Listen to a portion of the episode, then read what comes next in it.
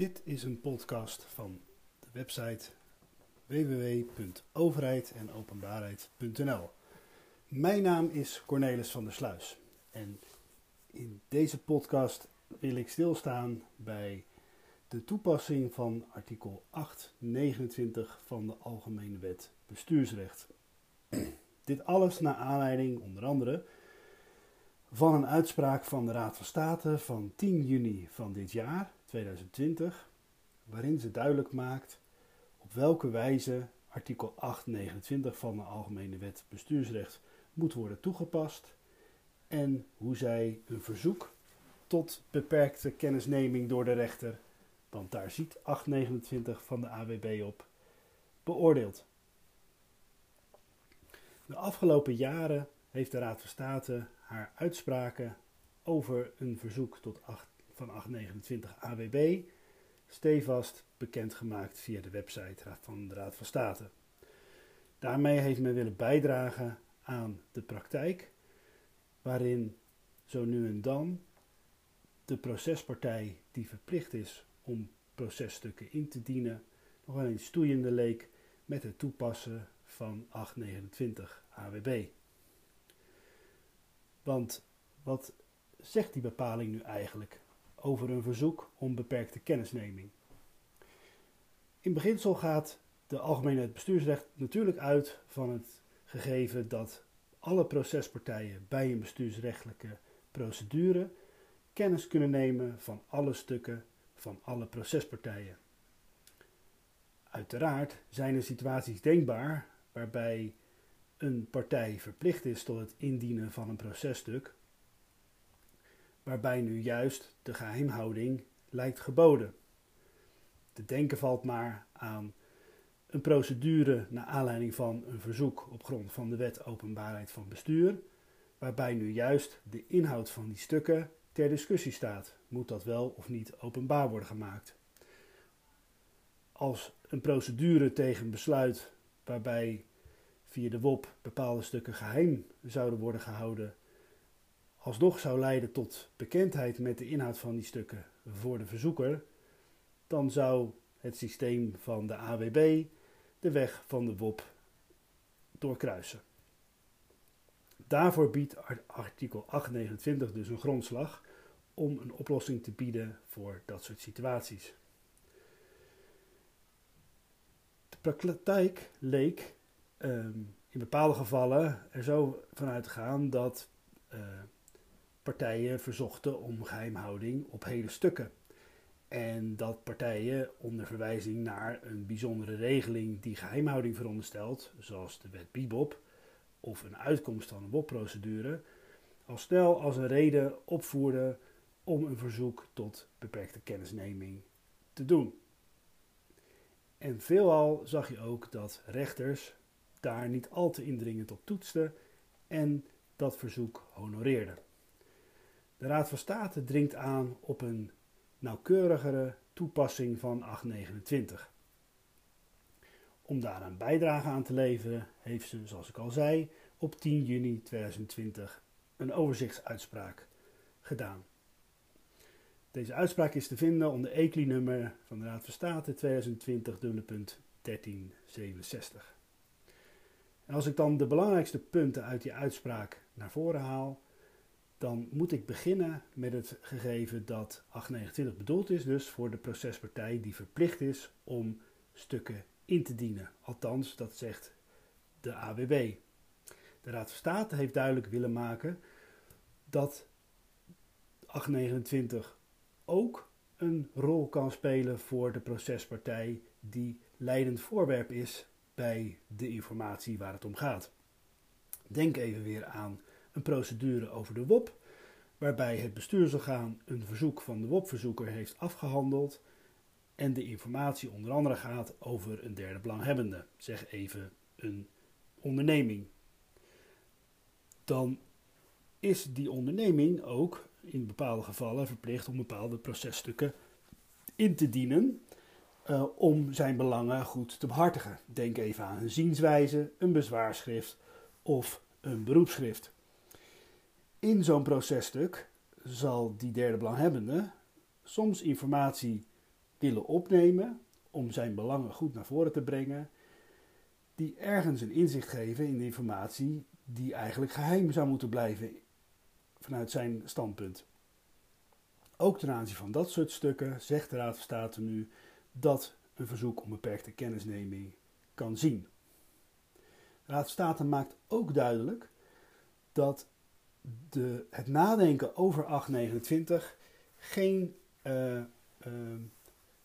geen vraag is die maar één keer in een bestuursrechtelijke procedure opspeelt bij het indienen van de op de zaak betrekking hebbende stukken. Want in het geval dat de vraag wordt gesteld aan het begin van een procedure, dan moet de partij die erom verzoekt, dus veelal het bestuursorgaan, moet kijken naar de procespartijen die op dat moment ook echt procespartij zijn. Om het maar weer even concreet te maken. In het geval wederom dat het gaat om een WOP-procedure en de oorspronkelijke WOP-verzoeker is geen procespartij meer in hoger beroep, dan zegt de Raad van State dat een verzoek om beperkte kennisneming van bijvoorbeeld de processtukken van de derde belanghebbende, degene waarover gewopt is, uh, niet meer gerechtvaardigd is. Natuurlijk is die informatie die daarin is opgenomen in die zienswijze of in dat bezwaarschrift, uh, ziet op de informatie die eigenlijk geheim zou moeten blijven. Maar omdat alleen de procespartijen uh, betrokken zijn die op dat moment betrokken zijn, dus het bestuursorgaan en de derde belanghebbende, en zij allebei de inhoud van het stuk kennen, is geen sprake van gewichtige redenen waarom een verzoek om beperkte kennisneming gerechtvaardigd wordt geacht. De Raad State maakt duidelijk dat in beginsel bij zo'n verzoek om beperkte kennisneming degene die daartoe verzoekt per zelfstandig onderdeel van zo'n document moet beoordelen of er sprake is van gewichtige redenen. Het kan dus niet zo zijn dat je redelijk makkelijk zegt dat dit hele stuk, dit hele document, zodanig is dat sprake is van gewichtige redenen. Het kan wel zo zijn, uiteraard. Maar in beginsel moet de verzoeker daartoe per zelfstandig onderdeel van het document beoordelen of sprake is van gewichtige redenen. Daarmee lijkt zo'n verzoek eigenlijk al heel snel op een besluit wat een bestuursgaan heeft te nemen naar aanleiding van een WOP-verzoek. Die indringende beoordeling hoeft niet gemaakt te worden als het gaat om WOP-stukken die bij het besluit geheim zijn gebleven.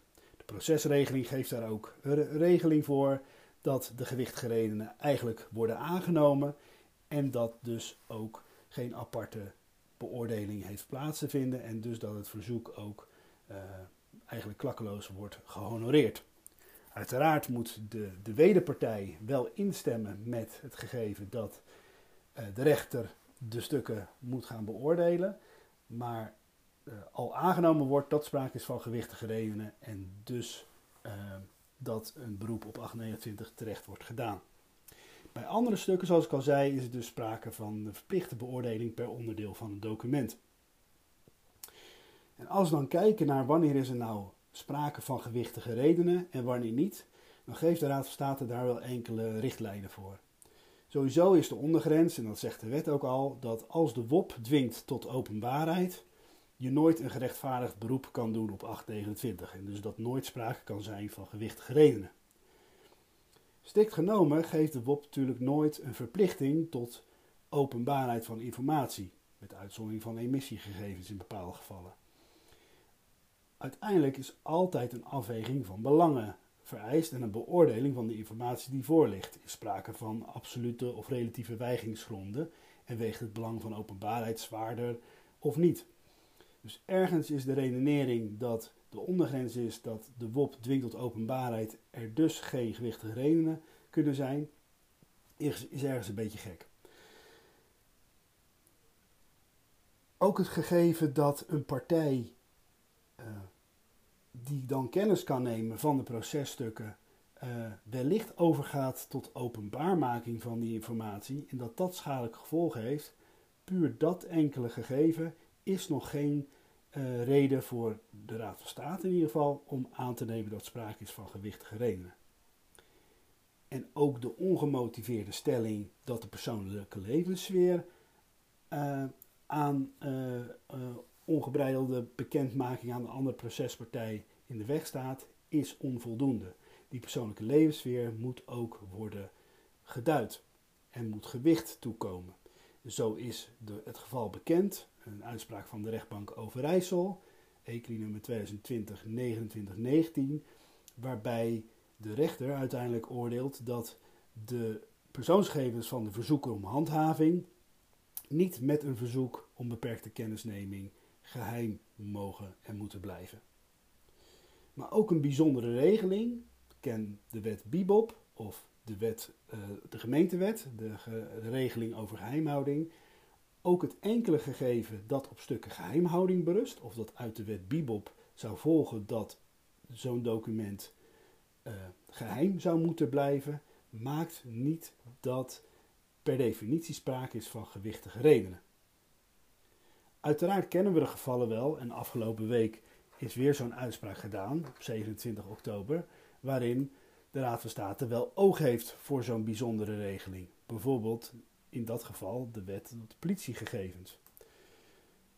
Want ook in de wet politiegegevens staat dat ten aanzien van politiegegevens uh, er een bijzondere regeling geldt en dat die informatie in beginsel geheim is. Um, de Raad van State maakt in de uitspraak van 27 oktober 2020, ECLI nummer 2020-2511, duidelijk dat, net zoals bij de, BIBOP, uh, niet het enkele gegeven doorslaggevend is dat de wet politiegegevens een bijzondere regeling geeft, maar dat de achterliggende gedachte, het feit dat bepaalde informatie beschermd moet worden, wel van betekenis is om uiteindelijk te komen tot de gewichtige redenen uh, grondslag en dus dat een verzoek om beperkte kennisneming kan worden gedaan. En dat geldt dus ook zo voor de welgemotiveerde stelling dat sprake is van de persoonlijke levensfeer die aan openbaarmaking aan de andere procespartij in de weg zou moeten staan. Een voorbeeld daarvan is bekend met ECRI nummer 2020-1610. Dus wat leert dit nu eigenlijk voor de praktijk? 829 geeft de gelegenheid om stukken in te brengen in een bestuursrechtelijke procedure die uh, niet bekend mogen worden voor de wederpartij, wat natuurlijk een onevenwichtigheid brengt in de procedure. Daarvoor is dus ook een beoordeling nodig door de rechter. Een verzoek tot 829 kan eigenlijk gedurende de hele procedure relevant zijn en kan zelfs ook relevant zijn op het moment dat een stuk al is ingebracht zonder 829, maar er op een gegeven moment een nieuwe procespartij zich aandient. Het is dus relevant voor zowel het bestuursorgaan wat verplicht is om stukken in te brengen, als degene waar de informatie over gaat. En de beoordeling, het verzoek, is eigenlijk bijna gelijk te schakelen met een WOP-besluit, zodat de proceshandeling van het toepassen van 829 niet even iets is wat je erbij doet, maar wat je zeer indringend en goed gemotiveerd uiteindelijk moet doen.